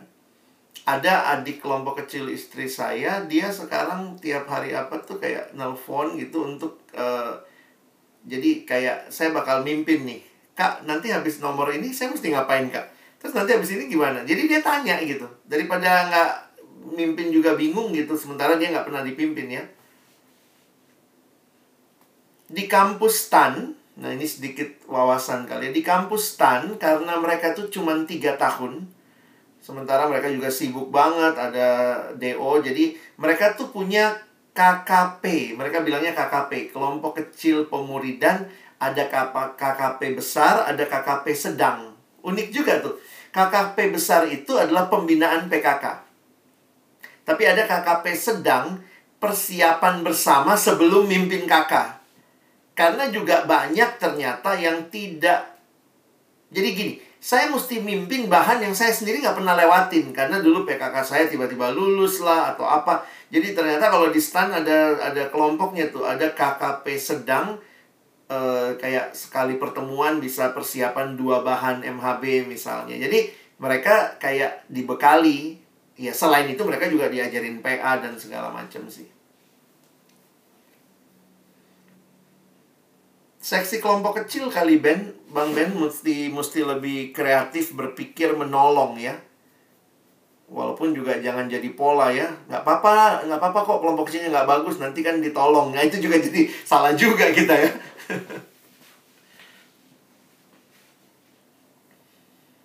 Oke, aku bahas pertanyaan lain ya, Bang. Iya. Uh, ini uh, mirip sih ya, kayaknya nggak perlu. Mungkin bisa di bisa dijawab sih, Bang, secara singkat mungkin ya. Terlambat tidak sih, Bang, bahas MHB sekarang untuk angkatan 2018? nggak ada kata terlambat ya hidup Lalu, rohani. lagi kali bang ya, uh, Iya. ini ada pertanyaan. Oke, bagaimana ya bang membangun keterbukaan takjil online karena offline pun juga nggak terbuka biasanya hmm. kata cowok nih uh, ya doa ya. Itu nggak bisa tidak ya. Uh, lalu jangan lupa kalau saya pribadi tadi sebenarnya saya mau nanya Mbak Susi juga tuh. Saya pribadi biasanya kontak anaknya per orang. Jadi bukan kontak di grup WA karena di grup itu orang cenderung walaupun satu kelompok belum tentu mau ngomong. Jadi biasanya saya tanyanya pribadi dan biasanya ya ini salah satu cara untuk membuat percakapan terus berjalan adalah kita tanya perkembangan doanya. Minggu lalu dia tak dia bicara tentang bapak sakit. Nah minggu ini saya mesti tanya gimana ada yang disyukuri bapak minggu ini. Kenapa saya melihat perhatian paling sederhana itu dalam doa. Jadi keterbukaan itu kita nggak bisa paksa juga ya teman-teman khususnya kelompok laki-laki itu memang cenderung lebih lama terbuka. Kalau perempuan kan lebih cepat terbuka karena secara psikologis katanya perempuan terbuka kepada orang yang dia senang. Kalau laki-laki terbuka kepada orang yang dia percaya. Nah, untuk punya kepercayaan dalam masa online kayak begini, kita juga sadar nggak gampang. Jadi jangan takut kalau belum terbuka, santai aja. Tapi terus doakan, terus sharing pribadi, tanya pokok doa seminggu sekali, doain, dan apa yang mau disyukuri, apalagi yang mau didoakan.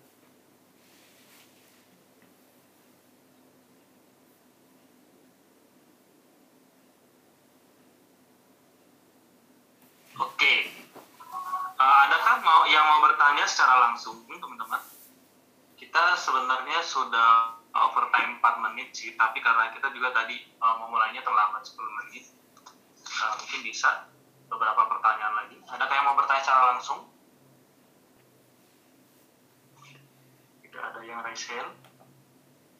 Uh, aku akan baca lagi berarti bang ya hmm. pertanyaan dari uh, slide-nya. Oke. Okay.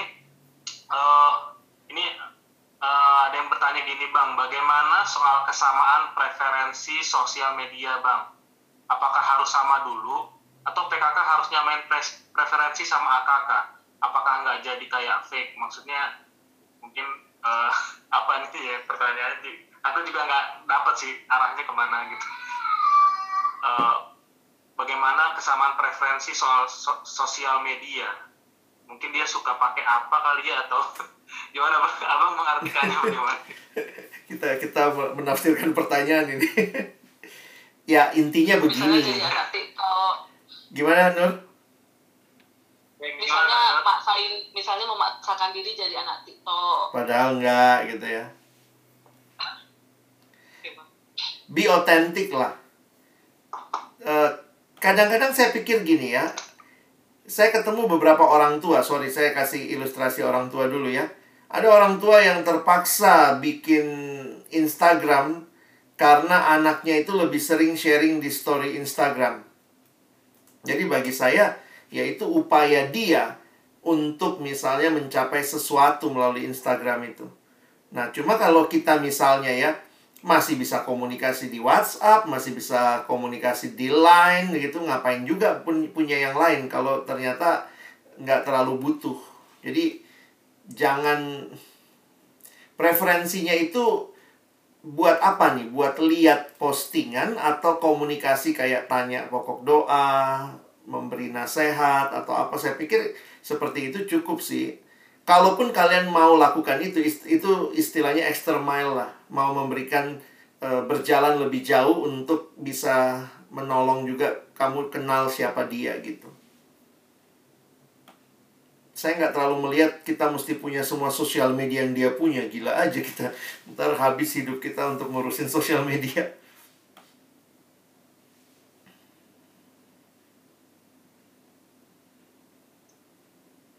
ada lagi teman-teman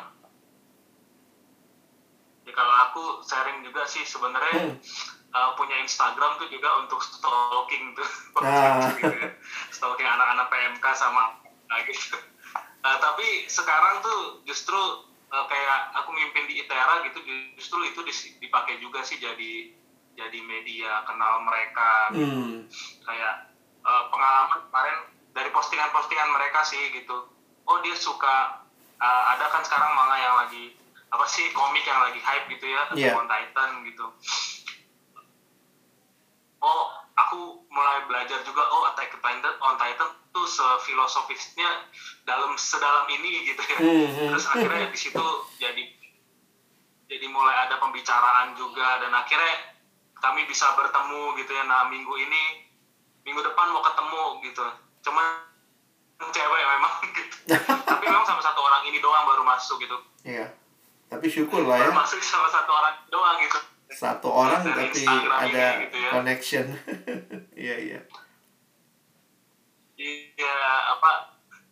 Iya karena memang sebenarnya mereka sudah mau kelompok kecil tapi mereka nggak ya kami nggak mulai-mulai gitu. Hmm. karena dibuka room gitu yang datang cuman ya satu gitu. Ya satu bukan yang satu ini sebenarnya yang lain gitu.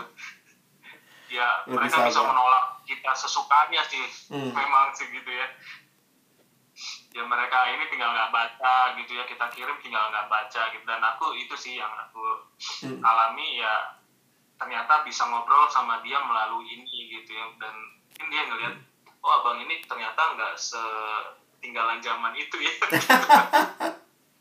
Meskipun ya aku bisa masuk cuma dari situ dari sisi itu ya iya mungkin ini pertanyaan terakhir kali ya selfie ya tadi ya Iya, oke nih tabrakan nih kayaknya tabrakan Ben Mbak Susi Mbak Susi Selfie tadi mau share sedikit dulu selfie dulu ya mbak mbak Oh. Sus. selfie silakan selfie dulu Ya. baru mbak Susi ya Oke, ya, oke. silakan selfie Ya, halo Bang Alex. halo dek Bang, mau nanya. Em, kan apa? Apa punya kakak ya? Eh, lima orang. Hmm. Tiga sudah alumni dan dua itu pra alumni gitu. Nah, tapi eh, apa ya? Kesulitannya tuh kayak yang pra alumni ini tuh kayak kayak menganggap ada gap gitu antara pra alumni dan alumni jadi eh, mereka tuh kayak apa ya kayak jadi undur gitu loh. Oh. undur dan seperti tidak percaya diri gitu untuk join di kakak gitu. Nah itu maksudnya gimana sih bang? Eh, biar mem- apa ya memberikan atmosfer yang sebenarnya nggak dari yang alumni ini sih nggak ada nggak ada bikin gap gimana gimana sih cuma mungkin dari para alumninya merasa kayak gitu. Karena ya kan mereka bayang-bayang alumni kan istilahnya. Hmm, eh, hmm. lagi skripsi tapi eh, belum selesai gitu. Jadi ya kayak mungkin ter inilah gara-gara itu. Jadi gimana maksudnya bangun atmosfer yang apa ya jangan sampai cuma gara-gara itu gitu kan. Cuma Hmm. gara-gara itu malah nggak mau melanjutin nah terus em, satu kakak aku tuh dia lagi apa ya bermasalah dengan diri sih. Eh, dia tuh asumtif gitu bang. Asumtif. Jadi kan dia udah udah lama gitu kan nggak join ke kakak gitu. Hmm. nah jadi dia tuh asumtifnya dia bilangnya kayak gini pasti kalian semua ngomongin aku kan bilang kayak gitu. Padahal maksud kita tuh bukan ngomong kita kan nggak ngomongin dia yang jelek-jeleknya ya. Tapi aku tuh langsung nanya itu ke dia aku langsung nanya ke dia e, dia gimana kabarmu? gitu kan. Tapi nggak direspon gitu kan nggak respon tapi story terus eh, apa chat sama teman lain di screenshot itu tetap jalan gitu kan tetap dimasukin ke story-nya. Nah kayak gitu. Jadi eh, dia tuh bermasalahnya adalah eh, dia lagi apa ya kayak sering netting gitu negative thinking. Karena mungkin pengaruh dari eh, pengaruh dari itu juga sih mungkin dari eh, tugas akhir yang belum kelar-kelar itu. Hmm. maksudnya gimana sih bang caranya untuk iya. eh, itu sih bangun atmosfer yang baik lagi? Boleh tanya nggak dek Eh, kelompoknya udah berapa lama dan kenapa harus dicampur gitu ini Eh, kelompok yang terbentuk karena apa dari 2017 sih bang wah udah lama dong ya Iya, udah lama. Cuman waktu itu tuh kan aku kan baru baru komitmen jadi PKK itu kan 2017 kan. hmm. Jadi saya masih baru-baru gitu kan jadi PKK belum ngerti. Terus dari PKK aku juga kan saya bukan PKK yang ideal lah istilahnya gitu. Jadi memang untuk dapatin role model yang tepat dalam memimpin kelompok kecil itu juga belum gitu. jadi yang aku rasa sih memang ada kesalahan mungkin dari itu juga gitu ketika memimpin masih kurang baik gitu kan jadi sempat lost setahun karena nungguin jadi uh, nungguin saya satu nggak lengkap satu nggak lengkap jadi nunggu kayak gitu uh, satu nggak datang nunggu jadinya sampai pernah tuh setahun tuh nggak jalan kayak gitu. hmm, hmm. tapi ngumpul gitu tapi iya. ngumpul yeah.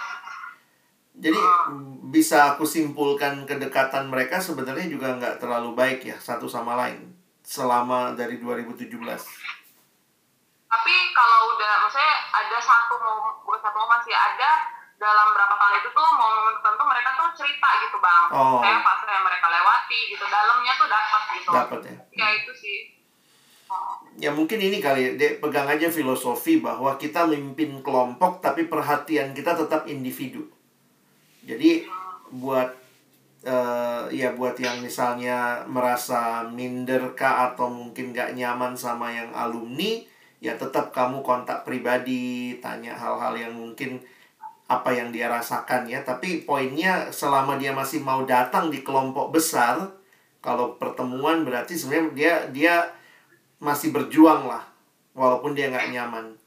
Cuman memang kalau aku tadi berpikir kalau sampai dia nggak mau datang karena alasannya itu mungkin nah itu kan salah satu bisa dipikirkan. Entah harus dipisah kalau memang harus dipisah bikin kelompok dengan orang yang yang mungkin lebih pas dengan dia ya itu itu semua ini ya bisa bisa jadi keputusan yang diambil tergantung kondisi. Karena menurutku juga gini ya ada yang mau pisah cari orang yang suka dan nyambung sama dia tapi akhirnya kan karakternya nggak bertumbuh.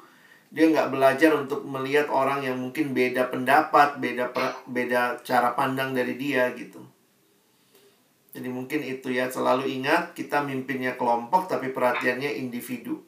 Makanya saya walaupun kita punya grup WA, kelompok kecil, tapi jangan lupa sebagai PKK chat mereka pribadi. Itu penting.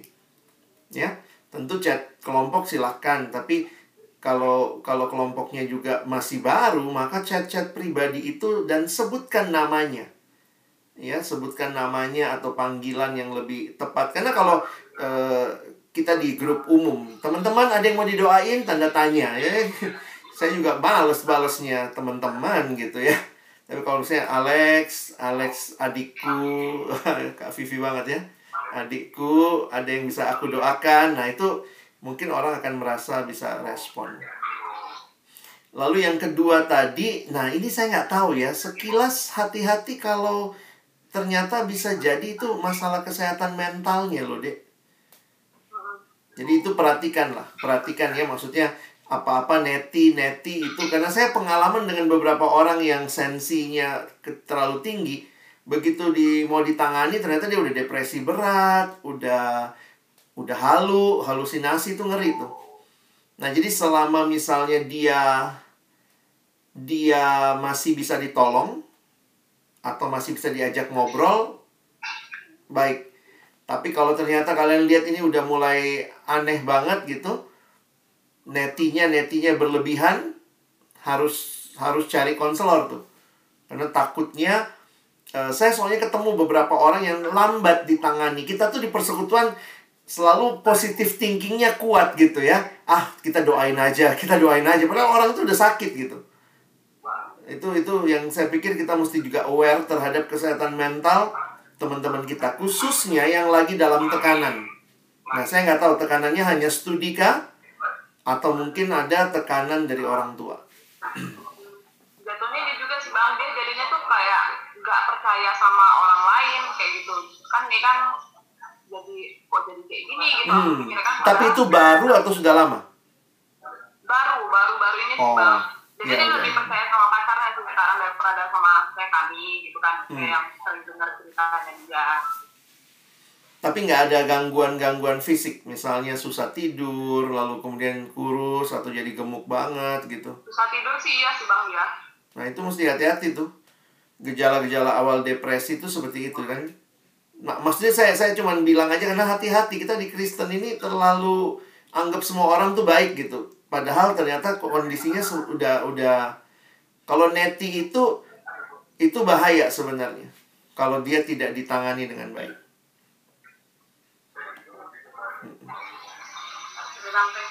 Sama-sama dek. Oke pertanyaan terakhir uh, dari Mbak Susi ya. Silakan Mbak Susi. Kasih kesempatan yang lain aja deh mungkin ada yang kan banyak yang baru juga nih gabung mungkin mereka ada sharing. Aku sih nggak tahu sesi ini nanti akan ada lagi atau enggak. Jadi ini kesempatan juga buat teman-teman PKK atau TPS atau staff yang mungkin uh, ada unek-unek pengen ditanyain. Silakan.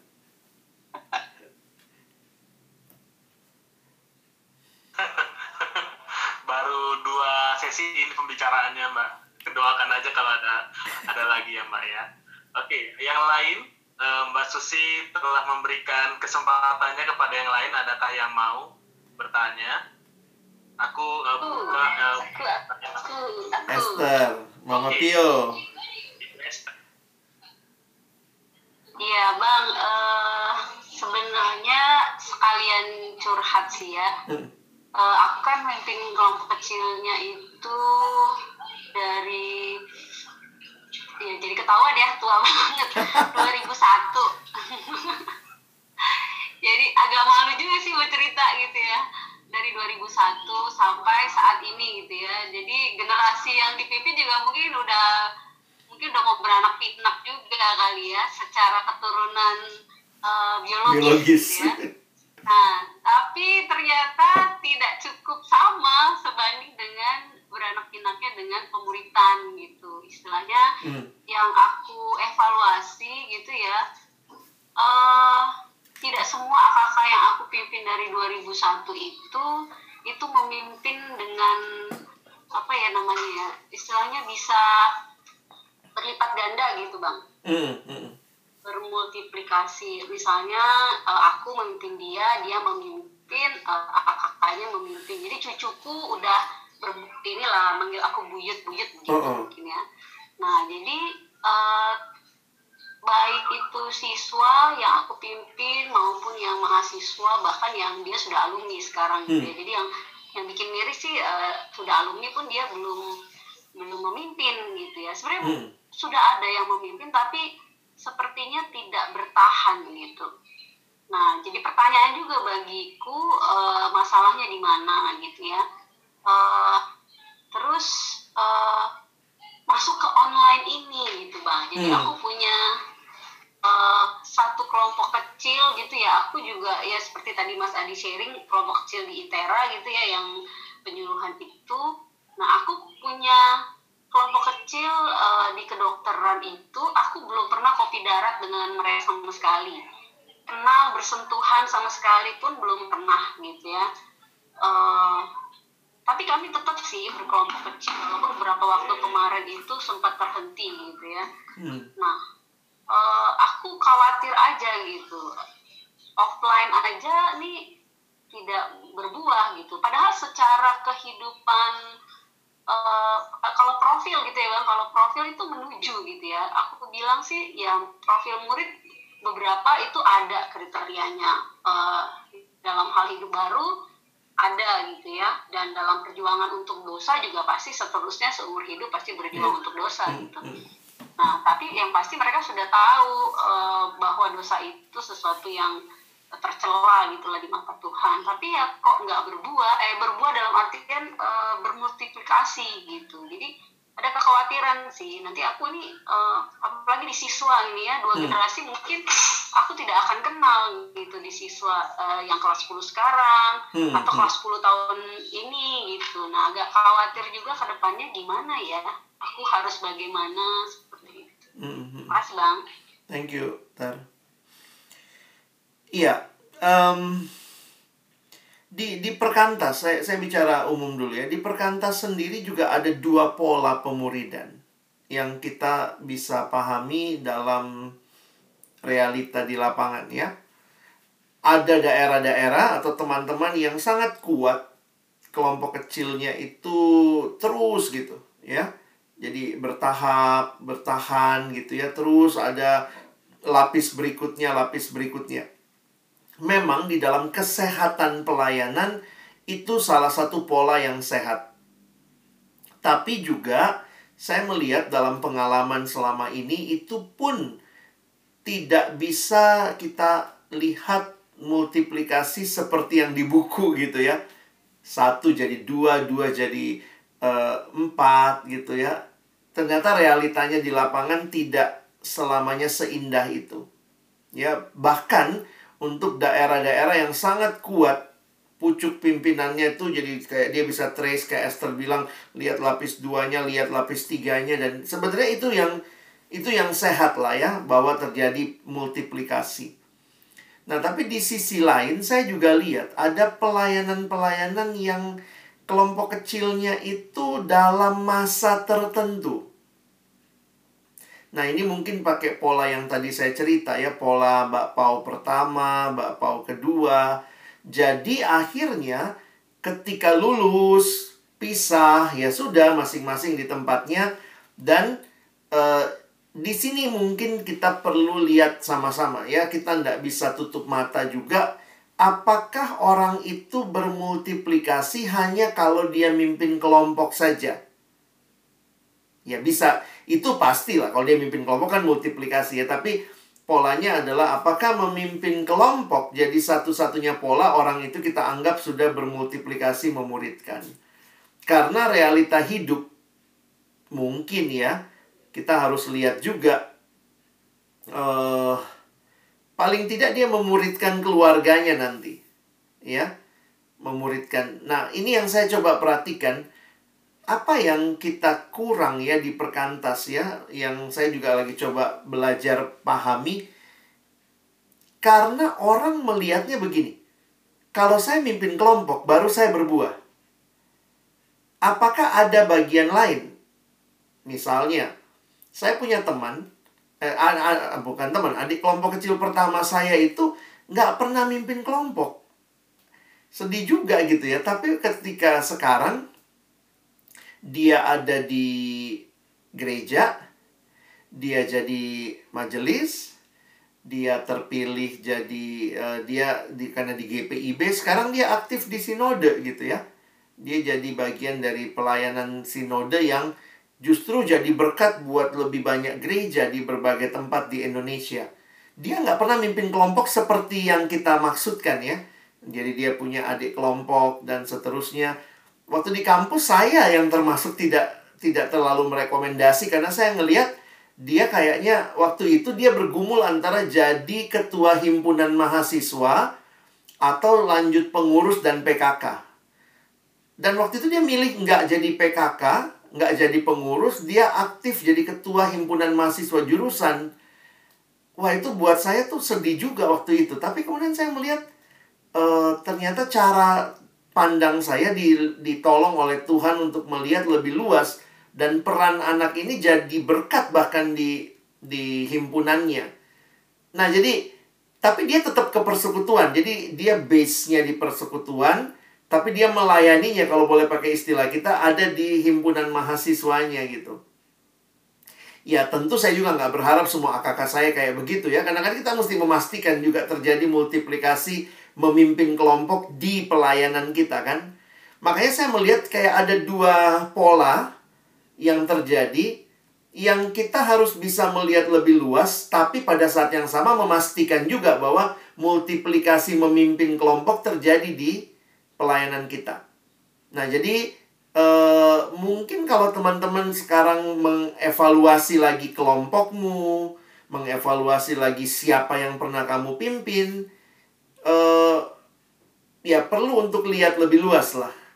Nah, bagaimana memastikan kemandirian rohani ini yang saya pikir mungkin perlu ditambah di bahan atau perlu kita bikin pola. Jadi begini juga loh, beberapa kali banyak orang nggak siap memimpin karena pemimpinnya terlalu perfect gitu. Aduh, aku nggak bisa kayak kakak itulah gitu ya. Dan itu itu jadi membuat akhirnya nggak terjadi multiplikasi juga atau standar-standar yang kita buat yang waktu dia ada di di pelayanan dia nggak bisa nih jadi PKK belum siap nih uh, belum mencapai yang seperti itu. Jadi akhirnya sampai kapan pun dia nggak pernah memimpin karena standarnya nggak nyampe. Nah saya lagi berpikir mungkin nggak ya kita berpikir lebih luas untuk memberi ruang kepada orang-orang seperti itu yang pemuridannya one on one kali ya. Jadi karena kita selalu mikirnya gini, kamu berbuah kalau mimpin kelompok, kamu berbuah kalau mimpin kelompok. Coba kita ganti sedikit, kamu berbuah ketika kamu bisa menanamkan hidupmu ke orang lain. Ke adikmu mungkin di rumah, ke jadi saya punya teman nggak pernah mimpin kelompok juga, tapi ternyata hidupnya tuh berbuah pribadi-pribadi. Nah, itu mau bilang apa juga? Itu cara Tuhan yang ajaib dan indah.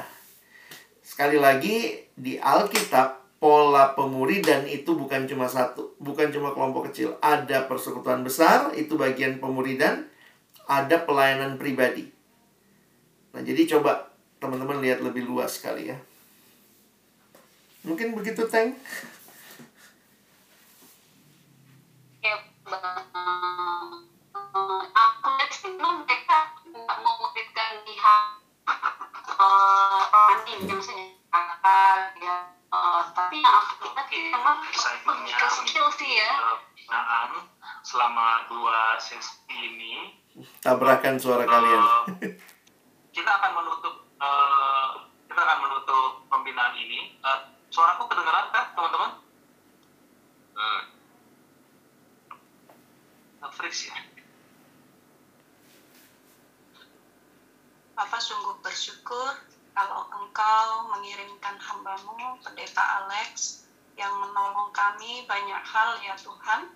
Kami sering kali cenderung merasa tidak puas atau sebaliknya. Kami merasa puas sebagai PKK ataupun sebagai pemimpin-pemimpin kelompok kecil. Di bagian inilah ya Tuhan kami diingatkan bahwa pelayanan tanpa melibatkan Tuhan maka pelayanan itu menjadi kering, pelayanan itu juga akhirnya menjadi mati. Tuhan terima kasih, uh, belum terlambat kiranya ketika Engkau terus mengingatkan kami bagaimana relasi pribadi PKK dengan Tuhan ini menjadi bagian yang paling penting sehingga Tuhan memberikan kami inisiatif untuk melayani sebagaimana yang dibutuhkan ladang pelayanan yang Tuhan percayakan kepada kami. Terima kasih untuk sesi malam hari ini. Banyak hal yang juga dibukakan untuk kami, banyak hal yang juga disegarkan kembali, sehingga kami terus mau belajar di tengah kondisi dan situasi yang berubah. Ajar kami untuk percaya, bahkan mempercayai Allah yang tidak berubah, itu Allah yang terus menolong kami. Jangan biarkan kami merasa tidak mampu ketika perubahan itu terjadi. Tetapi ajar kami lebih bijak menangkap, melakukan, bahkan e, memikirkan segala perubahan ini bersama-sama dengan Kristus. Terima kasih Tuhan, secara khusus malam hari ini kami berdoa untuk Bang Alex e, dalam pelayanan-pelayanan online yang dikerjakan Tuhan Engkau yang terus memberikan kesegaran uh, setiap bagian yang dipersiapkan, firman yang terus digumulkan, kemudian dibagikan kepada semua orang. Kiranya melalui firman yang dibagikan itu juga mengubahkan setiap orang yang mendengar. Kami juga mendoakan konten-konten yang uh, Tuhan juga uh, pakai melalui Bang Alex, biarlah ya Bapak, melalui media yang juga dipakai untuk melayani ini, maka banyak jiwa yang boleh bertobat dan juga akhirnya menerima Kristus uh, satu-satunya Tuhan dan Juru Selamat hidup mereka. Kami juga berdoa ya Tuhan untuk kesehatan Bang Alex dan juga istri, juga keluarga besar. Kami menyerahkan sepenuh-penuhnya kepada Tuhan juga jika Tuhan izinkan maka uh, Bang Alex dan keluarga juga mendapatkan bagian dari vaksin yang uh, diberikan oleh pemerintah supaya ini juga menjadi bagian yang meneguhkan untuk Bang Alex bisa terus uh, mengerjakan pelayanan dengan baik dan juga dengan pertolongan Tuhan.